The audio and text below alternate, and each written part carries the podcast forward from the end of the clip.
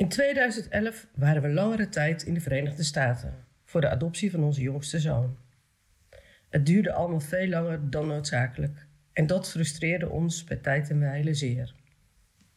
We waren op zoek naar wat invulling van de zondagen de kerken in de buurt afgegaan. En zo belandde ik met onze oudste op een zondagmorgen in een wat treurig jaren zestig gebouw.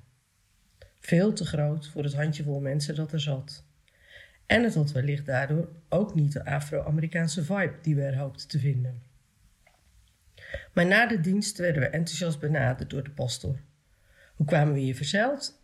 En waar kwamen we vandaan? Het was al met al een warme ontmoeting. En we beloofden haar zeker nog een keer terug te komen. Dat deden we op kerstochtend met mijn broer en zijn gezin.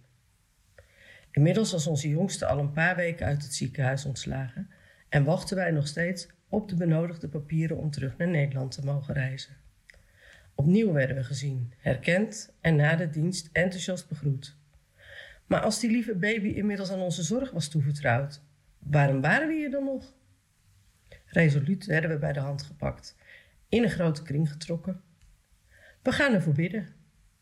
En dat gebeurde, kort maar krachtig. Enigszins beduust stonden we daar met onze Hollandse nuchterheid. Een tikje besmuikt, maar ook ontroerd, verlieten we de kerk. Laat je wel even weten als het gelukt is.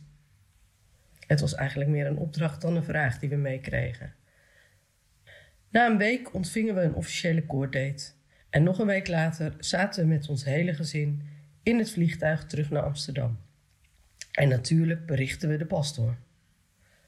De afgelopen weken hebben we als vriendengroep enorm hard en veel gebeden voor een dierbare, dappere vriendin, die nog maar heel kort geleden een vernietigende diagnose kreeg. Wat we het allerliefst en het vurigst zouden willen, gaat waarschijnlijk niet gebeuren. Toch blijven we keihard doorbidden. Voor haar, haar gezin en onszelf. Dat we ons gedragen weten.